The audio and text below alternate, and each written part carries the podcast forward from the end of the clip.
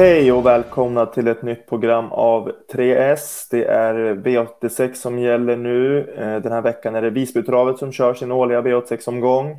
Eh, vi har en jackpot med 5 miljoner extra i potten och eh, som expert har vi från Travronden spelare Anton Stöckel.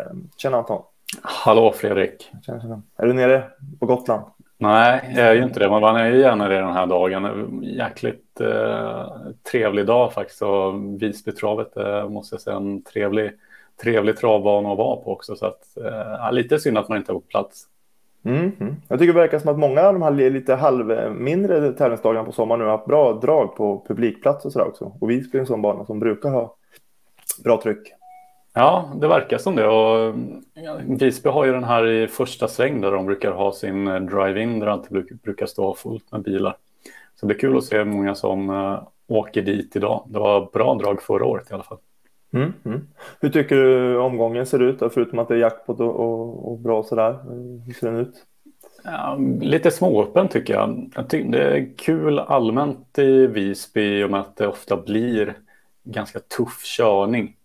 Det är ju gynnsamt att vara med i främre träffen och det är många som vill ta vara på det. Så att, eh, ja, det är inte många som får mycket gratis eller när de, när de kommer dit. Nej, Jag tycker Visby kör ofta, väldigt ofta eh, sina tävlingar på lunchen och sådär också. Det är mycket Visby-hästar med såklart där. Så att de som har följt lunchtävlingar mycket under sommaren här, de har nog en liten fördel. Verkligen, verkligen. Mm. Du, eh, ska vi köra igång med vår första rubrik? Det är spiken.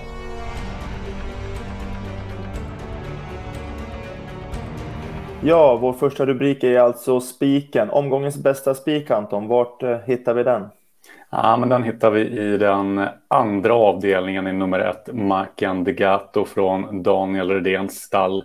Hästen kom ut, visade väldigt fin kapacitet. Eh, de två gångerna där när han förlorade så har det varit mot Tara Hills. Eh, kapabelt stod hos Björn Goop och sen mot Isko Am. I årsdebuten som det var ett par månader sedan så var han inte som bäst.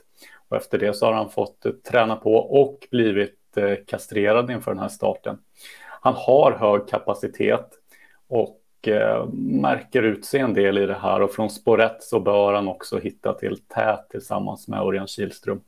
Han har ju inte varit, kollar man på de voltslagsloppen han har gjort så har det inte varit det här han har flugit ut, men kollar man sen näst senast på Solvallan och han har spår 1 så frontar han ganska enkelt där.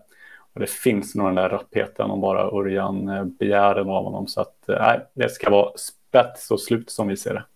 Mm, mm. Spets brukar vara en bra position i Visby så att eh, Redén och Kihlström och ledning och Visby det låter ju som eh, att det borde vara bra chans där. Vi, eh, vi spikar ett Macan Degato, alltså i eh, V86 2.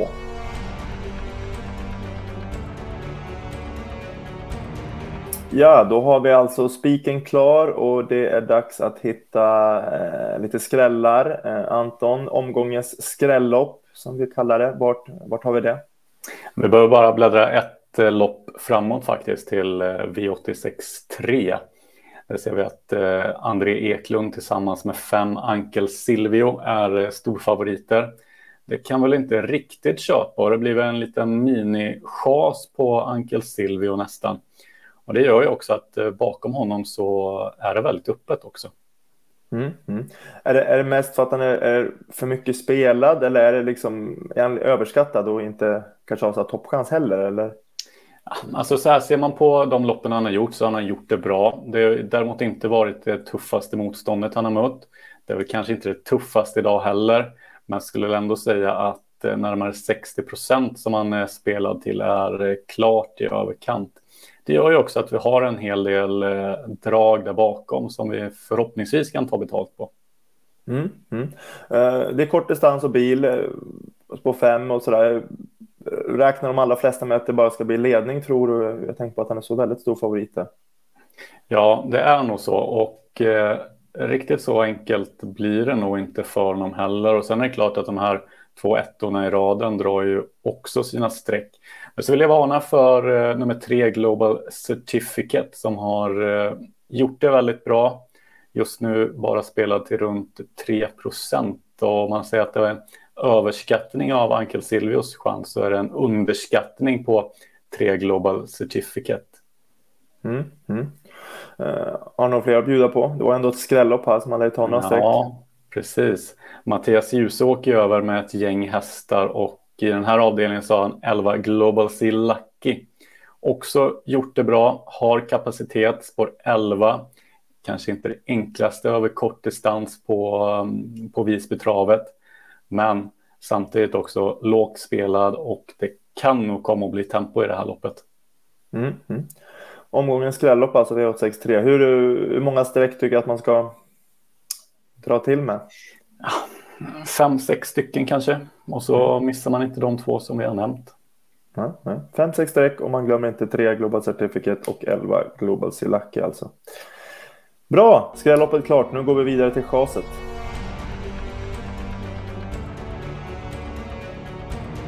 Yes, då har vi alltså spiken klar. Vi har hittat skrälloppet. Nu är det dags att chasa. Anton, vilken häst chasar vi den här veckan? Vi pratar ju precis om Mattias Djuse och det är en Mattias Djuse-häst som vi kommer att eh, chasa den här veckan. Det handlar om nummer 11 Global Classified i V86.5. Det är en spårtrappa det här loppet och kollar man lite närmare då på vad hästen har tjänat så ser vi till exempel att eh, nummer 7 Green Hills Rock Rocco och nummer 8 Rob the Bank de har tjänat egentligen precis lika mycket som 11 Global Classified har gjort men helt olika spår. Sen har jag varit inne på det här, vi hoppas på lite tur i V86.3 att det blir överpace så att eh, Mattias kan komma in i matchen med Global Sea Lucky. Här är det lite tvärtom skulle man nästan kunna säga. Det är ju svårt på Visby, komma in från de där lägena. Många häst med i loppet, det måste stämma lite. Har ett lopp i kroppen, ska ha gått framåt till det här. Men 22 procent kan vi nog ändå inte riktigt eh, köpa på Global Classified.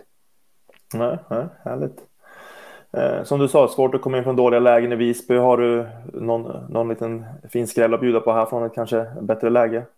Ja, om vi snackar dåliga lägen kan vi ju då dra till en bra läge istället. Och det är ju nummer två, Impressive Sisu, som eh, gjorde det bra inledningsvis av karriären. Sen stämde det inte riktigt för honom.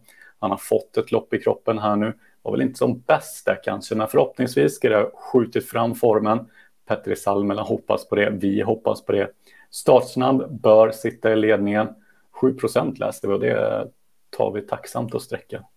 Mm, mm. Jag gillar också de här Hästar som kanske inte har gjort så många starter, framförallt när det är sån här spårtrappa. Det är en häst som det känns ju en nybliven fyraåring här som har mycket pengar kvar att tjäna så att eh, perfekt med en spårtrappa där och få bra läge. Du, det var det. Jag tänkte köra en sammanfattning här. Eh, jackpot ikväll, glöm inte det. Eh, omgångens bästa spik hittade vi i nummer ett, Mackan Degato i V862. Eh, skrälloppet, vi garderar V863. Ta 5-6 hästar och glömmer inte nummer 3 Global Certificate och 11 Global Silaki. Eh, chaset 11 Global Classified V865. Eh, svårt läge där att komma till, överspelad. Eh, Anton nämner att nummer 2 Impressive Sisu istället är lite mer intressant, att man har ett perfekt läge.